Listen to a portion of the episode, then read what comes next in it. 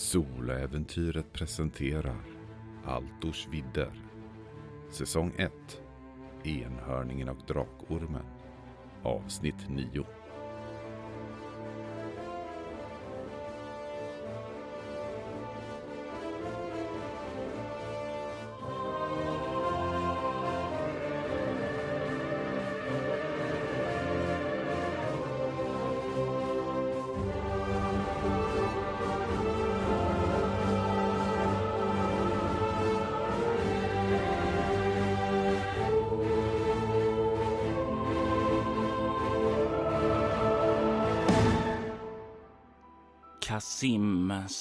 står i templet med minnena från den där mardrömmen som sakta börjar försvinna. Precis som drömmar har en tendens att göra. Men den lämnar honom med ett fysiskt obehag.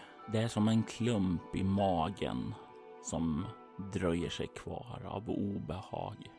Han tog emot Maurlins hand och orkade inte att kämpa, men det gav ingen ro så som han hade hoppats. Vem vet vad som hade hänt med honom, vad för fasor han skulle fått upplevt om det inte hade varit för Sala som kom och väckte honom. Hon verkade ha bråttom för hon försvann lika fort som hon kom och lämnade honom ensam. Du står där med minnena ekande i ditt sinne. Nej, bort härifrån! Försvinn! Försvinn! Liela, är det sant? Nej, drömmar. Jag måste... Jag måste tillbaka. Jag måste tillbaka till Ebbe. Ebbe. Jag eh, är mentalt utmattad och fysiskt nästan lika så av den här, eh, de här hemska upplevelserna som jag vet ju att det är en dröm, en mardröm, men jag har inte tänkt på, på Leela på, på ett tag här nu och att se henne, att jag skulle ha, nej, det är för hemskt. Jag skjuter bort tankarna och jag måste ha min utrustning. Jag måste, vi måste till templet. I, vad, vad är klockan? Eh, vad, vilken tid är det? Jag eh, springer eh, ut ur templet och tar mig så fort jag kan ner mot eh, döda tuppen. Du kommer ut ur templet och inser att det är natt. Fullmånen står högt upp på himlen och du får en gnagande känsla att ja, midnatten, om den inte redan har varit så är den här strax. Nej, nej, nej, nej. Måste skynda mig, måste skynda mig. Jag springer, jag springer det fortaste jag kan. Jag kommer i någon vägen, så jag knuffar undan. Jag bryr mig inte. Jag måste, jag måste hämta min utrustning. Måste, måste till templet. Till din fördel så är det ju inte särskilt många som rör sig ute på stan här mitt i natten. Så det är ganska ödsliga gator som du springer över. Jag vill att du slår ett fysslag bara för att se hur din språngmarsch tär på dig. Yes. Bara frigöra. Jaha, där var den. Jag slår ett. Jag slår 17.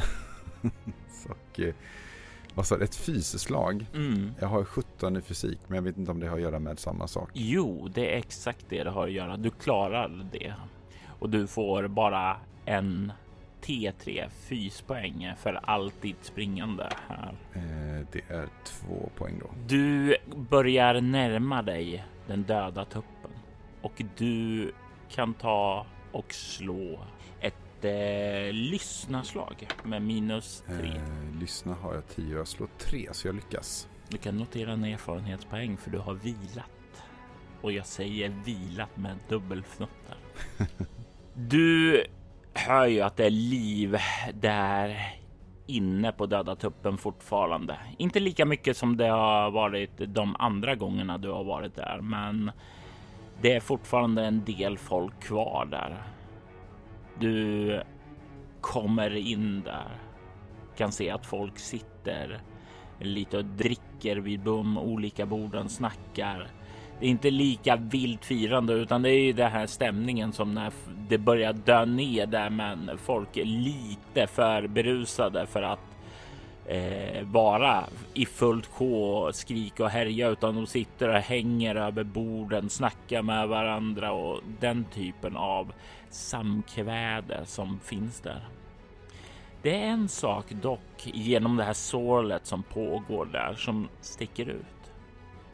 Du tycker dig höra ja, ett ljud från övervåningen. Nästan som det morrar och har sig. Jag eh, saktar mina steg och spetsar öronen samtidigt som jag förundrat och nyfiket tittar jag upp mot taket. Lite som att jag försöker liksom se igenom och veta vad det är som sker där uppe. Men först måste jag ha min utrustning så jag sätter kurs mot Eboltars eh, rum. Och du kommer ju fram till det. Och du känner att dörren är låst. Jag blir lite stressad här och eh, jag, jag, rycker och knuffar till eh, liksom lite grann som att den är nog, den, den, den kanske bara trög liksom. Jag är lite stressad. Jag tänker att du kan få slå ett styrkeslag här. Mm. Eh, jag misslyckas precis. Jag slår 16 av 15 i styrka. Du kan ta en KP i skada faktiskt. Aj! Men du får inte upp den heller. Tagit vägen. Jag går till um, eh, ja, se om jag kan hitta någon av, av personalen på värdshuset. Du börjar röra dig ut mot bänken bakom där värdshusvärden brukar stå. Men precis innan du kommer ut i skänkrummet så hör du precis rakt ovanför dig nästan hur det morrar till och du tycker dig höra något ljud av något rasslande av järn där uppe. Det här låter ju eh, inte bra alls. Eh, men jag har ju inga vapen liksom. Det är, jag är ett offer. Jag, jag tittar mig runt, ser, ser någon av de andra. Ser, för jag vill ju ta in någon huvudnyckel om det finns. Eller så. Du kan se hur eh, Morkil, värdshusvärden själv där, står eh, bakom disken där och verkar ja, stå och plocka ihop saker och ting. Ungefär som man börjar göra redo för att stänga för ikväll. Morkil, förlåt, förlåt, jag måste in i, i, i Ebbs, Ebbaltars rum. Han har min utrustning där och det är jättebråttom. Uh, har du nyckel? Jag tänker låta dig slå ett övertalarslag här. Ja. Uh, jag misslyckas och slår 14 och jag har 10. Jag tror du förstår att jag kan inte bara släppa in folk hur som helst i andras rum oavsett om de har sina grejer där eller inte, säger han och kan se han tar och börjar ja, stryka med eh, tummen över bänken där han står. Han gör en svepande gest med tummen som om han skulle mata in någonting under handflatan där. Jag, jag tappar det liksom. Eh, jag sliter tag i hans krage liksom och säger öppna dörren nu. Det får ju hela skänkrummet att tystna och liksom alla bara vänder sig om, börjar kolla där och eh, jag tänker att du kan få slå ett eh, bluffarslag här för att liksom simulera ditt hotande. Eh, Okej, okay. jag tänkte inte att jag simulerar det, men vi kan prova att bluffa. jag har inte kommit till det så långt än, sant? eh, nej, jag fortsätter slå dåligt. Jag slår 19 och jag har 12 i bluffa. Morkil är en ganska kraftig kar. Han är ja, lite större än dig. Definitivt lika stark. Så när du liksom tar i hans krage så där så liksom du känner bara han tar tag i dina armar och liksom bara drar dig loss och trycker undan och säger nu tar du och lugnar ner dig. Och du kan eh, se hur den här utkastaren börjar komma gående mot dig. Vid Etin. Hör jag det här ljudet där uppe under tiden som vi håller på här eller har det tystnat? Just nu verkar det vara tyst. Har ni sett eh, Ebbolt där? Har han, eh, han lämnat? Eh... Ja, han gick tidigare ikväll. Han sa att det var något han skulle göra. Ah, jag ber om ursäkt. Ehm, jag eh, tänker att Sala kanske är där uppe och kanske kan hjälpa mig på något sätt innan jag ger mig ut i natten utan vapen. Eh, så jag... För jag har fått för mig att de bor på ovanvåningen. Mm, det stämmer. Så jag tar mig bortåt mot trappan och går uppåt. Och du kan ju se hur både Morkil och utkastaren liksom stirrar efter dig när du rör dig uppåt, men de ingriper inte. Du kommer upp mot övervåningen och nu kan du höra det här morrandet igen. Och du kan också... Ja, du hör en kvinnoröst. Salas röst. Hon verkar sjunga. Jag eh, smyger framåt, alltså inte som att jag försöker vara supertyst för att inte märkas, utan mer för att jag vill höra vad hon sjunger och ta mig närmare utan att störa. Hon verkar sjunga någon form av... Ja, det är väl kanske inte helt rätt, men det känns lite grann som en vaggvisa. Den är lugnande på ett sätt som en vaggvisa är i alla fall.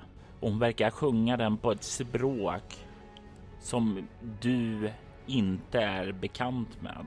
Du kan förslå ett slag för kunskap om språk eller geografi med CL minus 5. Jag tänkte att eh, kulturkännedom hade varit bra annars, men den... Eh... eh, kulturkännedom kan du också få använda med 5. Ja, då är geografi bättre för den är 11 idag. Eh, vilket jag först det var språk, men det har jag ju inte tyvärr. Eh, men då tar vi geografi eh, CL minus 5. Eh, och jag misslyckas.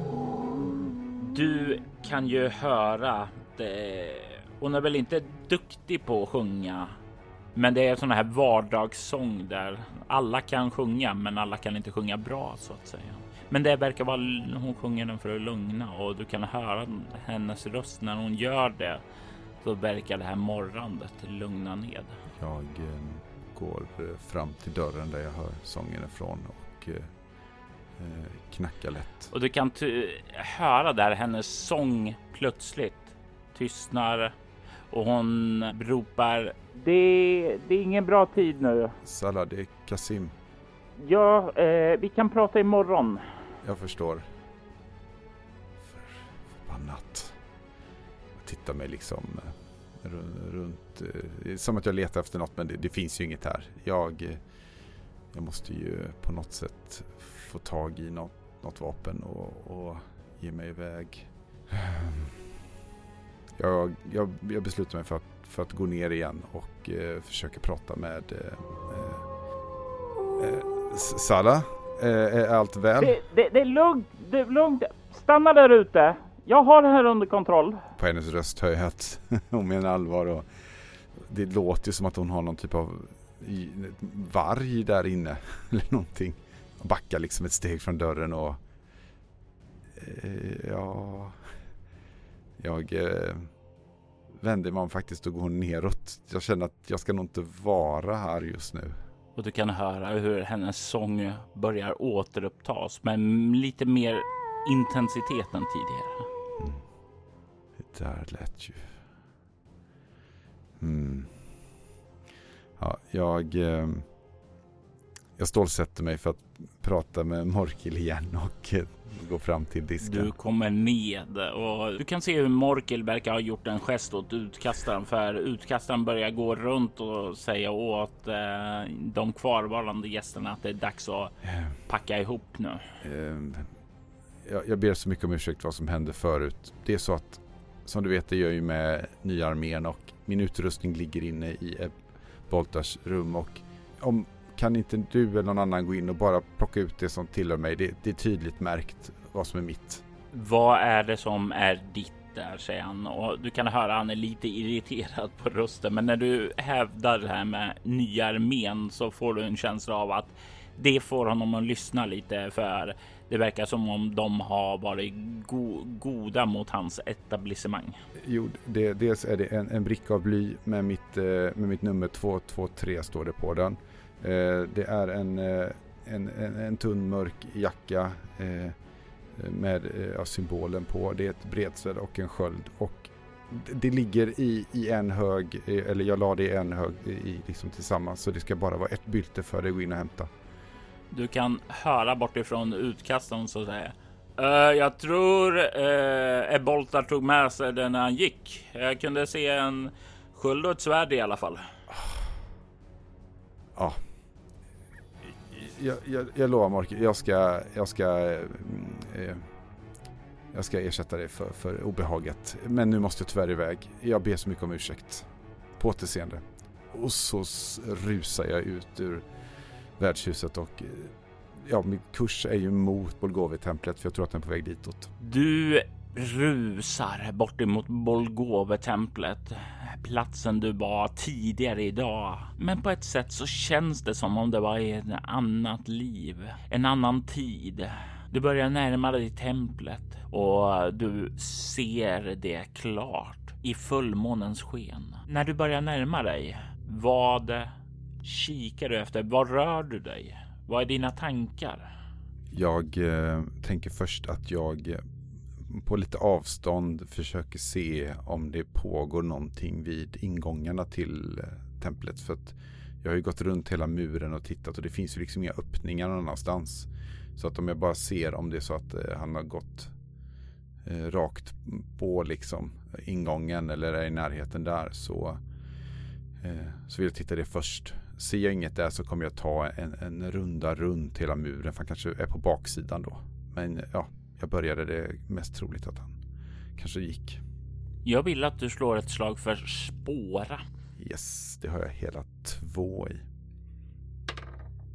Jag slår 15, snart byter jag tärning. Du kan inte se några som helst spår av ebboltar. Men kanske finner du någonting annat med fina ting. Vi ska se.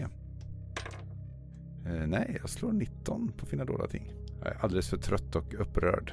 Mm, sådana saker har ju en tendens att kunna påverka ens uppmärksamhet.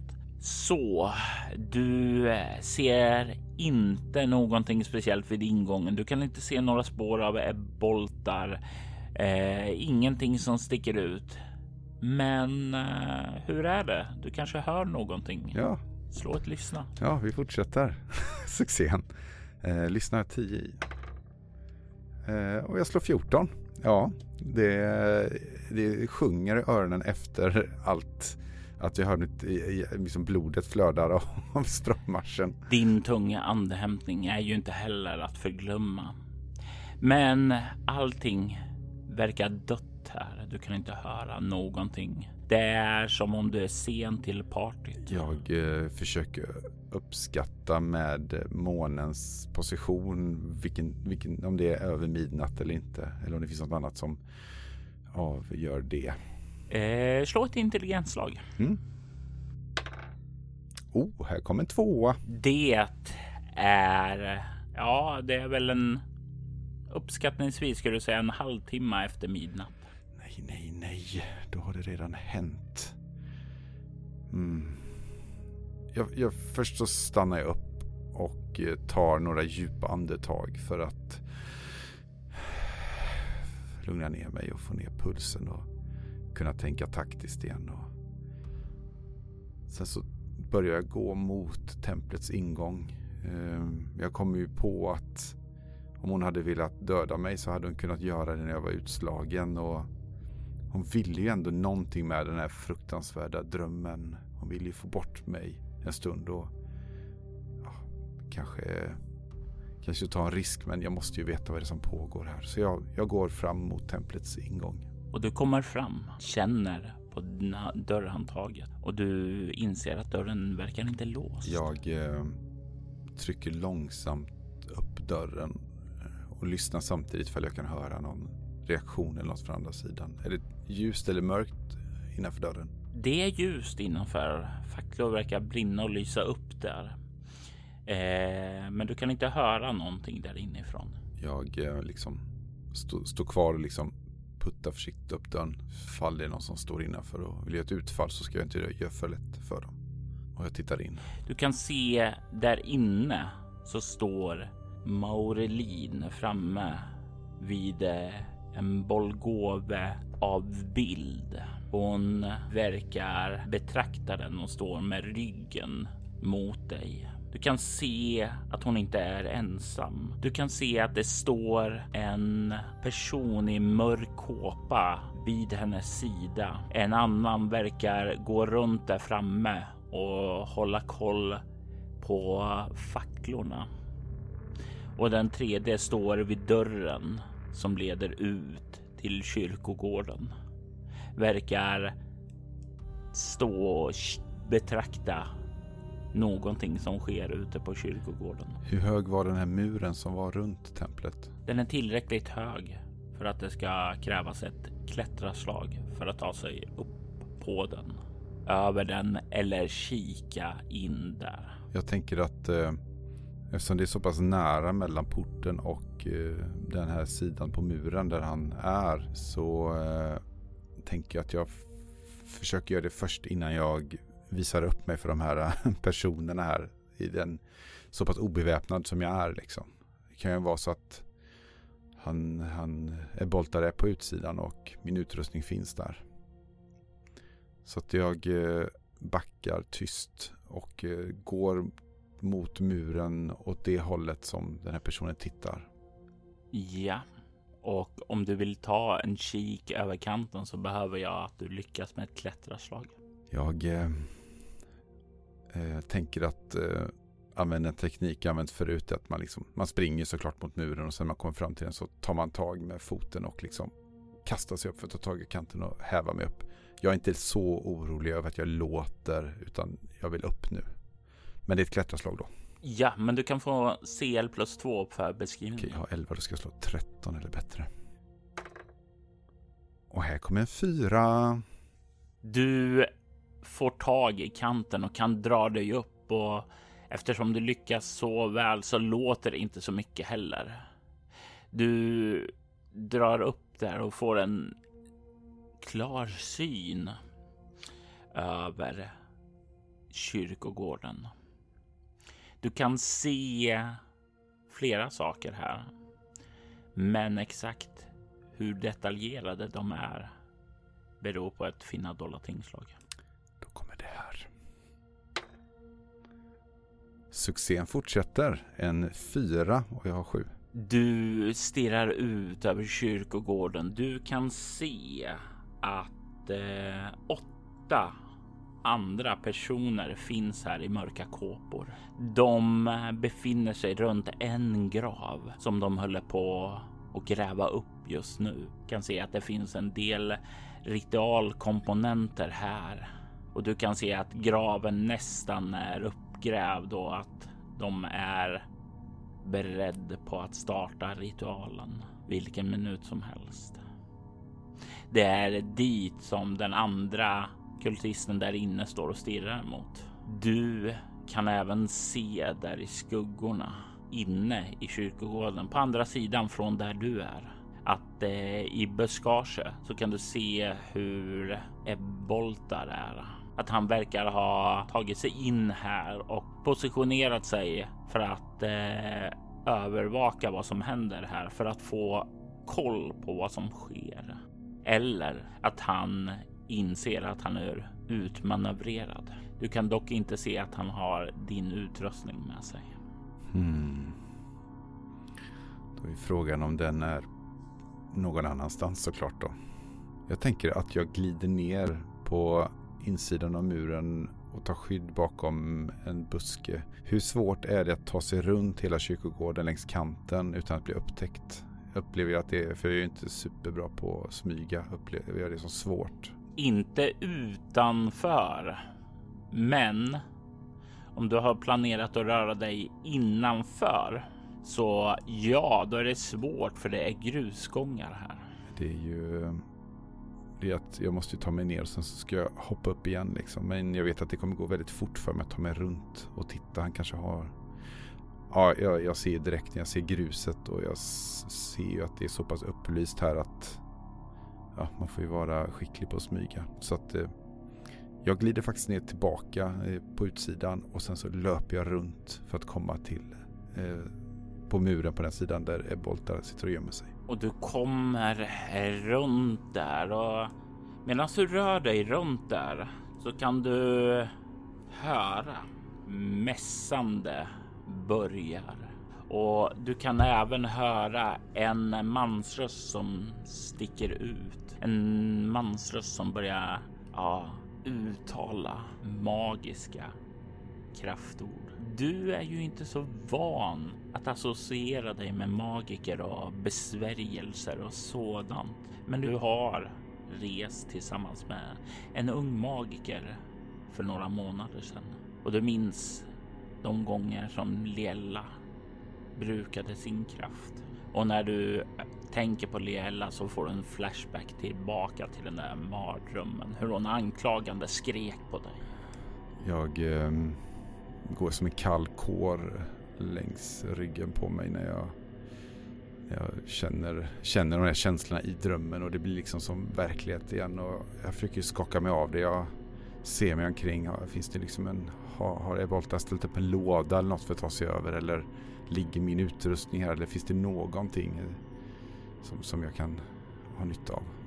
Du kan inte se någon låda eller så stå här för att Eboltar skulle kunna ta sig över. Han verkar inte ha behövt någon sådan utan han kanske använt samma teknik som du. Vem vet? Du var ju inte här för att backa upp honom. Du slumrade sött i ett tempel istället. Det finns inga spår efter din utrustning här. Det har vi redan konstaterat med ditt misslyckade finna dolda tingslag. Du är här försenad, utan utrustning och utan en riktig plan. Jag eh, tänker att jag kan inte överge honom nu. Eh, han är ju på insidan. Jag vill inte avslöja honom heller men det är svårt det här alltså. Det är, det är gång på andra sidan. Men om jag, om jag stör dem så kanske, kanske det kan avbryta ritualen om jag bara hade haft ett spjut. Mustansir och Murtag. Jag, Helper Andrevoll, kallar på din arma själ. Kom åter till det levandes värld. Vi behöver din hjälp hör du från andra sidan muren. Ja, det, det, är det som får det att, att avgöras. Jag, jag måste ta mig över. Så jag gör samma procedur som på andra sidan. Liksom, tar sats och ska försöka hoppa över med ett klättraslag. Kör. Har jag min bonus sen sist? jag slog 12 och jag är 11 i bas. ja, du har fortfarande CL plus 1. Ja, eh, så att jag eh, lyckas, eh, ja, precis då eh, ta mig på kanten och häva mig över. Den här gången blir det inte riktigt lika bra utan du hör ju hur det scratchar eh, lite stenar som trillar lös och sådant. Så du gör ju din. Eh, du gör ju din uppfart då annonserad. Var det här precis vid eh, Boltars gömplats? Ja, precis exakt enligt mina beräkningar i alla fall. Så vet jag inte hur exakt jag var att jag hittade det då. Och inte fanns några spår efter honom tänker jag. Jag tänker att eh, du kan faktiskt få slå ett inslag med CL plus 3. Yes. Och så ska jag bara... Och det här är ett sånt miss... Ett sånt här slag som i, du inte skulle ha någonting emot att misslyckas Okej, okay. ja, jag eh, lyckas ju för jag slog 7 och jag har 12. Du är ju ganska precis exakt där han är då, så du kommer ju dra uppmärksamhet till hans gömställe då med andra ord. Så jag tänker att jag slår ett slag för gömma sig för honom eh, och eftersom inte han har gömma sig som färdighet så har han sin intelligensgrupp och det lyckas han inte med. Så i din iver att komma upp här så kommer du att avslöja både dig och honom. Du eh, ser ju hur när du kommer upp där över krönet där, hur eh, flertalet kultister har vänt sig om mot dig och kan se hur de börjar dra dolkar. Förbannat. Läser jag. Ser jag Ebolten nedanför mig liksom? Han svär och han kollar upp mot dig, ser att du är obeväpnad och han svär återigen och säger Ta din jävla utrustning! Den ligger vid stenen. Jag markerar det tydligt åt dig och sen så ser du hur han ställer sig upp och eh, lyfter upp sin tvåhandsyxa och gör sig redo för strid. Är den stenen liksom på insidan av muren då eller är det på utsidan? Ja, det framgår inte av hans röst här, men Jag låter dig slå ett intelligensslag med CL minus två för att dra dig till minnes om den här flertalet gånger du har rört dig om om det finns någon sten som kan passa in på den. Ja, just. Jag slår 11, jag har 12 intelligens. Ja, du tror att du såg någon sten på utsidan? Jag är osäker så jag frågar var? Nu när vi ändå är upptäckta. Du ser ju hur kultisterna börjar röra sig framåt där. Eh, och du kan ju se hur han börjar ta steget fram och säger i närheten av ingången. Och sen så börjar han chartra framåt mot några av de här kultisterna. Där. Jag tittar liksom, är det, är det liksom, eh, det är ju närmare eller går ju snabbare för mig och ta mig runt i så fall till ingången eh, och sedan ta mig in den vägen då. Eh, då kommer jag ju springa rakt i, i, i armarna på de som är inne i templet. Men å andra sidan så är de inte beredda på att jag kommer så det kanske blir som en flankning då kanske. Mm. Så jag, jag, tänker att jag hoppar ner och eh, springer runt på utsidan faktiskt. Ett jäkla springande här. Du rusar runt och jag tänker att du kan få en fyspoäng till när du rusar så här runt då. Nu när han har pekat ut någonting så ser du faktiskt en sten där och den har ett litet eh, kryss på sig målat med en vit krita. Väldigt, väldigt tydlig nu när du vet vad du letar efter. Jag eh, skäms lite grann. Eh, kanske hinner jag tänka på det. Men jag eh, bryr mig egentligen bara om att ta min sköld och mitt svärd och sen så sätter jag mot eh, ingången. Du rusar fram emot ingången samtidigt som du spänner på dig din sköld och fattar svärdet i vänster hand. Du kommer fram till ingången. Sköt du igen dörren eller lät du den stå på glänt? Jag lät den stå på glänt. Då ska vi se om de där inne har lagt märke till den. Intressant. Beskriv hur du tar dig in. Um, jag, um, jag hukar mig lite grann när jag går framåt liksom mot eh, i sån där liksom lite färdigställning ifall jag skulle behöva göra ett utfall så att eh, jag springer ju liksom inte utan jag mer så här eh, går snabbt kan man säga. Och jag tittar in, om dörren är öppen så tittar jag då och ser om den här personen fortfarande står och tittar ut eller om har försvunnit och vad som har hänt med dem som var framme vid den här statyn. Du kan se när du liksom skjuter upp dörren där på väg in där att du kan se hur den här kultisten som stod vid dörren där ut troligtvis rört sig ut då, för du kan inte se den längre. Maurelin står framme vid statyn fortfarande. Och vid hennes sida så sitter en kultist ned och verkar be. Jag tänker att jag, eh, det var ju någon som gick runt med facklorna också men den personen ser jag inte just nu då. Nej. Jag eh, går långsamt igenom dörren och eh, tittar liksom mot det. Slå ett upptäcka fara. Mm. Oh, tre.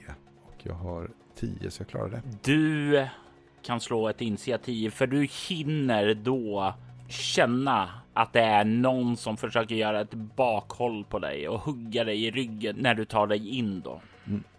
Just det. Då ser, vi det 20 först. Här har vi en eh, nia och så skulle man lägga till smidighet va?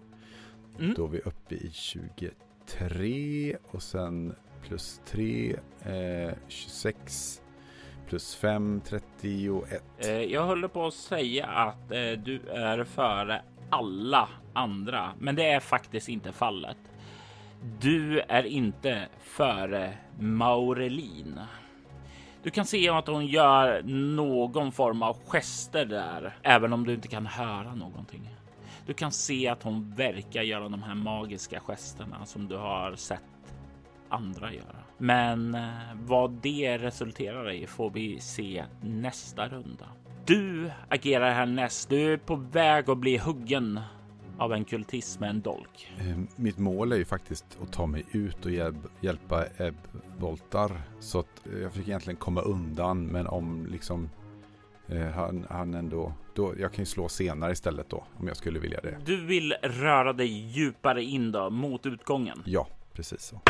Och jag slår kultistens eh, anfall med dolken och den kommer att träffa dig. Du ser ju där när du rör dig framåt, han försöker hugga dig där och du kan slå för en parad med din sköld.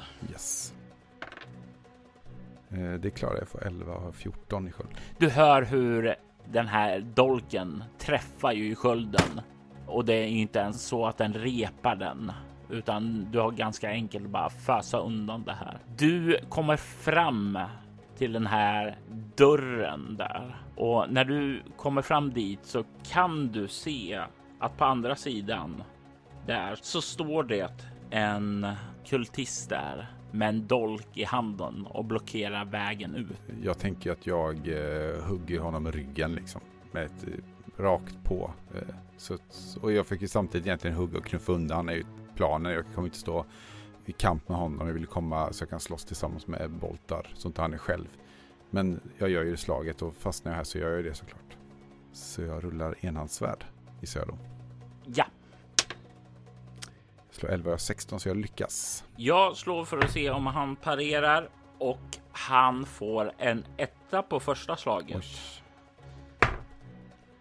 och eh, han får en tvåa på andra slaget. Det här innebär att han får ett perfekt slag.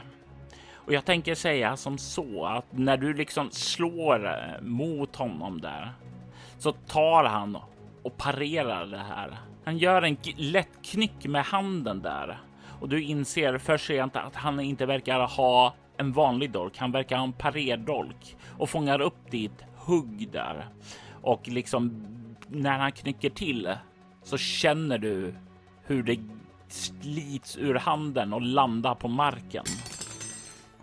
Du står där i dörröppningen där och du har lagt märke till en sak här inne. Du har inte hört ett enda ljud. Allting har varit helt knäpptyst där inne. Det är en ny runda och du ser ut på kyrkogården hur den plötsligt försvinner. Du stirrar ut en lång mörk fängelsegång. Du är tillbaka i mardrömmen. Du kan inte se kultisten, den är borta. Nej, det måste vara... Måste vara Maurelin, hon har gjort något igen. Jag, jag tar liksom på mig och känner, är det den här kroppen igen som jag har, som jag hade sist med de här eh, tatueringarna eller inristningarna på underarmarna. Är allt det tillbaka? Jag tänker här fråga vad har du i psyke? Jag har tio i psyke. Du ska göra ett motståndsslag här mot hennes psyke och hon har en psyke på 25 så du behöver i princip nu få perfekt slag. Du menar att jag ska slå en etta och sen en två eller vadå? Eller en... Börja med att slå en etta så har du i alla fall ett lyckat. Okej. Eh, nej, jag slår en sexa. Ja, du har samma kropp som du hade i mardrömmen. Sist tog jag mig inte ut här för egen maskin. Och, men jag, jag rör mig inåt i, i är det samma korridor eh, där jag fann Liella och den här tortyrkammaren och allt det här var. Jajamensan. Och du kan se Lielas celldörr. Den står öppen. Jag, eh, jag går framåt. Jag vet inte riktigt vad jag ska ta vägen så att jag går fram och tittar in i, i eh, cellen. Cellen är tom. Nej, nej. Jag eh, tar mig mot eh, där jag vet att den här tortyrkammaren ligger. Jag kanske kan rädda den här gången. Jag glömmer liksom av vad, vad jag var innan nu. Nu kommer ju allt över mig tillbaka. Det, det är så verkligt det här och ja, alla de här hemska, hemska minnena från mardrömmen blir att det är det som blir mitt fokus just nu. Du tar steg för steg närmare bort mot slutet av den här gången, bort emot tortyrkammaren. Du känner den här känslan, den här obehagliga ångestklumpen i magen växa sig starkare. Du kommer fram till dörren. Den står lite lätt på glänt. Du kan se hur ljussken fladdrar där inne och du känner en stank. En stank av förruttnat kött, av bränt kött, av kött som har blivit dåligt. Skämt och skändat. Nej. Är det... Jag går fram och, och ser om jag kan se om det är mina farhågor besannas. När du skjuter upp dörren så dras din blick till mitten av rummet. Du stirrar in mot en sträckbänk som finns där. Du kan se Lielas kropp där. Du kan se hur hennes fötter har blivit bearbetade. Hur tånaglarna har lossats. Hur det skurits under fötterna. Du kan fortfarande se en del saltkorn vara kvar i såren. Nej, men det, det är bara en dröm. Det är inte på riktigt. Jag... Det är ditt öde, Kasim. Du hör en kvinnoröst som är bekant sedan tidigare. Maurelins röst. Men du kan inte se varifrån den kommer utan den hörs eka runt om som om hennes röst studsar mellan väggarna. Nej. Okej. Jag är så... Det, det är bara en... Det är bara en förtrollning allt det här. Men hur... Hur tar jag mig ur? Du kan inte fly ditt eget öde. Men vad är mitt öde då? Ropar jag ut. Det här är ju... Det är bara märkliga mardrömmar av en perverst sinne. Det är din framtid som jag visar dig. Den stig som du är på väg att börja vandra. Jag vet att eh, döden inte måste vara det sista heller. Jag, jag har hört jag har hört om Lielas öde och jag tror inte det är det här som menas. Det här är något annat. Parikila kommer att bana väg för Onabys. Han kommer att frigöra en av oktagonens demonfurstar. Och alla andra öden kommer att förverkas då. Det här är din stig att vandra, Kasim. Jag tror inte på det. Jag hörde att man kan ändra sitt öde. Även om det är svårt. Jag tror inte på döden på det här sättet.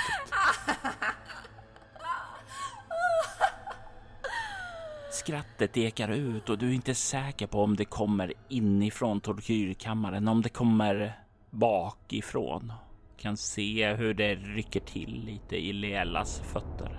Jag eh, går närmare fram och jag vet ju nu att hon har ju talat till mig och hon har bekräftat att det här bara är en, en låt oss kalla det en vision av en framtid som skulle kunna bli som jag inte, som jag inte vill hamna i såklart. Men jag vet inte om något jag gör här påverkar någonting men jag kan åtminstone helga minnet av Lela och kanske kanske spänna loss henne från den där bänken i alla fall. Du ser hur Liella rycker lös sina händer ifrån där hon har suttit fast. Du kan se hur hon sätter sig upp. Du kan se hennes kolsvarta ögon stirrar emot dig med en kall kylig blick. Liella, Du dödade Ogmund.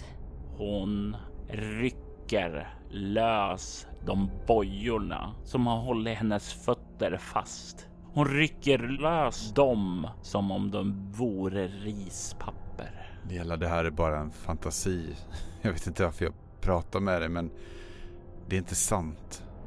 Jag har inte dödat Ogmund. Du dödade Ogmund. Hon hasar sig ned och landar med båda fötterna på golvet. Du hör saltet i hennes hår krasar lik glas. Men hon gör inte en min. Du är avundsjuk på honom. På det band som han och jag delade. Det är klart att jag avundas Ogmund och ditt band för det var en fantastisk och är en fantastisk vänskap. Men vi har ett annat band. Jag såg på dig som, jag ser på dig som min dotter. Jag är glad att du har Ogmund och jag är glad att vi är vänner och det här ödet, det här ödet måste inte bli. Det här är bara en, en sjuk fantasi från en, från en mörk person. Jag vet inte om, om den här, om det du är här i min mardröm kan ändra någonting men du måste veta att Jag skulle aldrig skada dig.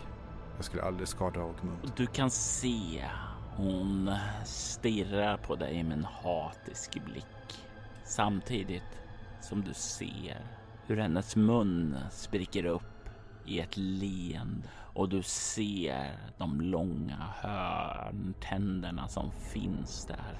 Hon börjar morra som ett vilddjur som är redo att kasta sig över sitt byte. Men det är i det här ögonblicket som någonting sker. Någonting som du inte har känt av på länge. Kanske var det Maurelins sätt att tala med dig med sitt sinne på en telepatisk väg som väckte den där slumrande kraften inom dig. Du besitter ju en vild magi som du aldrig riktigt lärt dig att kontrollera. En förmåga som hjälpt dig lika mycket som den har skälpt dig. Det är i det här ögonblicket som du hör Maurelins tankar. Så ja, nu är jag snart bakom honom. Och då är det slut på den här charaden. Du nästan känner att hon är bakom dig. Jag känner, jag känner väl med ett leende, att jag gör ett leende och jag vet inte om jag har en dolk på mig eller om dolken är på kroppen men jag, jag har en rörelse som jag brukar göra när jag, när jag vet att någon kommer bakifrån och det är liksom att jag går liksom ner på knä och snurrar runt samtidigt och utdelar liksom ett slag. Eh, det är ju med en hand som egentligen mer puttar bort den som är bakom och har jag ett vapen så kan jag ju sticka såklart.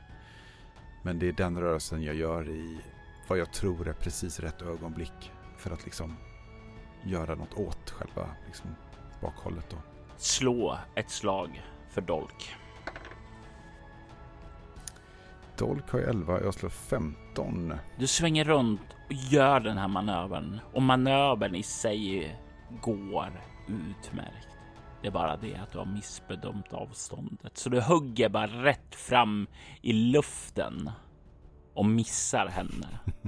Du ser hur då charaden faller och du är tillbaka där inne i det här templet och du kan se hur hon verkar svära när illusionen hon har uppbringat där fallerar och du kan se då när hon svär där att hon irriterat bara slår dig med sin knytnäve rätt i fejset. Du kan ta 3 KP skada. Fasen vilken snocka. Plus skadebonusen. Ah, herregud Robert. Vilket innebär att du får 2 KP i skada till. Med ett knytnävsslag. Ja. Vad är det för monster du kastar på mig? Jag... Eh, vet jag, har jag flyttat mig bort från mitt, eh, mitt, alltså det, min position så att mitt vapen är långt borta eller har jag bara stått stilla och gått in i, i huvudet? Liksom? När du vände om och gjorde den här utfallet bakåt så har du rört dig lite längre in tillbaka i templet där. Mm. Så du är lite längre in än du var tidigare. Mm. I rent tekniskt så håller jag ju faktiskt i min sköld fortfarande. Mm. Eh, min plan är att jag vet att hon är magiker nu på något sätt och hon använder sina händer för att vifta och prata så jag ska oskadliggöra och försöka hålla fast den egentligen. Så min plan är att jag ska sköld... Eh, Shieldbasha, vad det nu heter på svenska. Slå med skölden? Ja, och få henne liksom att falla omkull och sätta mig på och sen liksom eh, gå lös med knytnävarna och hålla ner henne. Liksom, vad det är jag kan göra för att liksom rent slagsmål mer än något sånt. Bara för att jag är arg också. Hon slog mig i ansiktet, jag gillar inte det. Eh, en sköldattack är först då i alla fall. Nej, jag misslyckas. Jag slår 19 när jag har 14 i sköld. Du misslyckas där och du känner ju då hur någon sticker dig med kniv bakifrån och du tar. Du tar fyra i skada. Det börjar gå dåligt här. Jag har totalt 10 i skada. Och den här eh, skyddar rustningen ifrån. Okej. Okay när jag misslyckades kom jag liksom, jag kom ju närmare. Planen var att jag skulle springa och knuffa till henne men jag, det på något sätt så bara flyttade hon på sig. Eller jag lyckas inte riktigt gissar jag. Du gör ju ditt utfall med skölden och hon tar väl ett steg bakåt så den bara viner förbi i luften då så att säga. Men ni är fortfarande rätt nära varandra.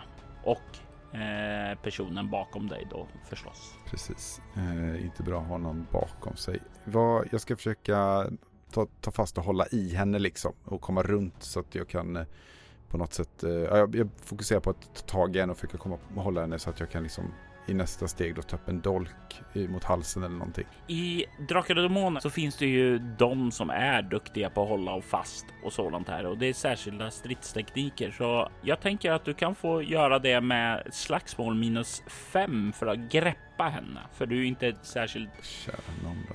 tränad på det här. Nej, eh, det har jag ju 13 minus 5 så det är 8 va? Det stämmer.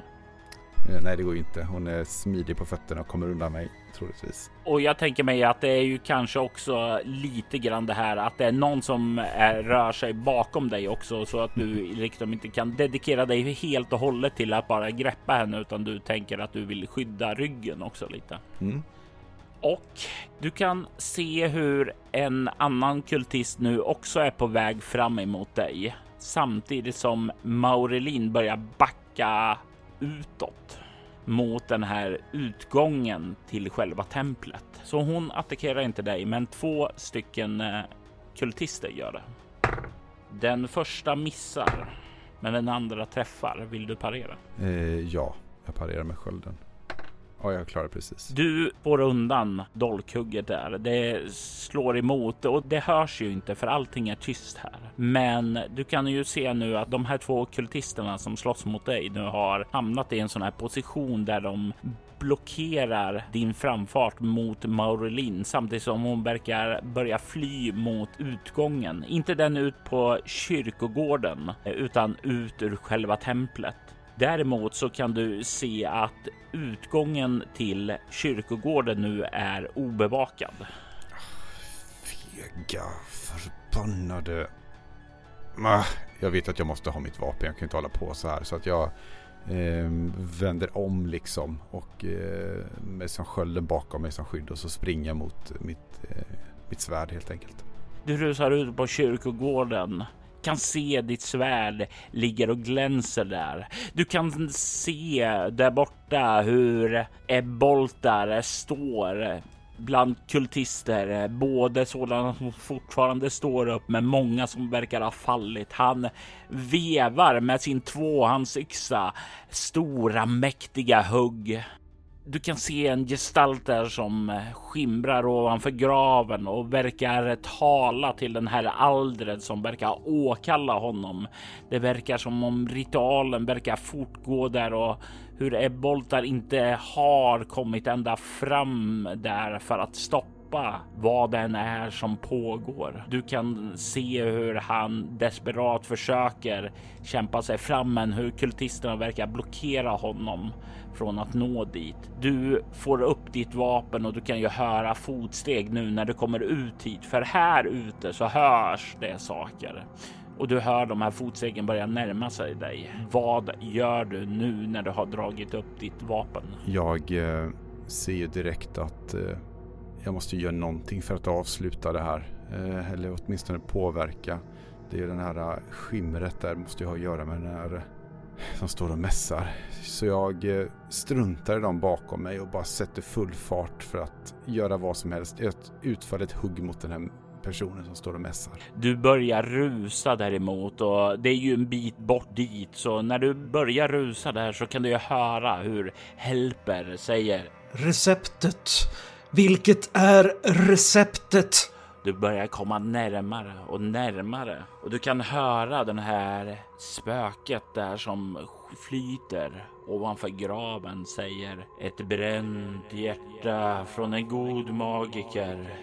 Hudfragmenten från en brinnande elva och några blodadroppar från en mångalning. Och jag vill att du slår ett upptäcka fara. Okej. Jag slår 6 och jag upptäcker fara 10 så jag klarar det. Du rusar framåt där mot Helper.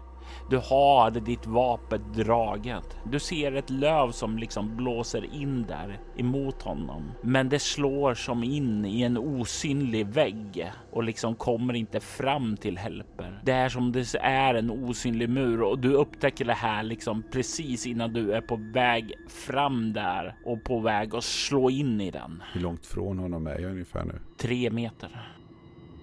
Sen så står han då en bit från den här äh, blåskimrande gestalten som de pratar med som kommer från graven och gissar jag. Ja, Min äh, förmåga som jag äh, kände förut, är den bara att lyssna eller är den även att tala?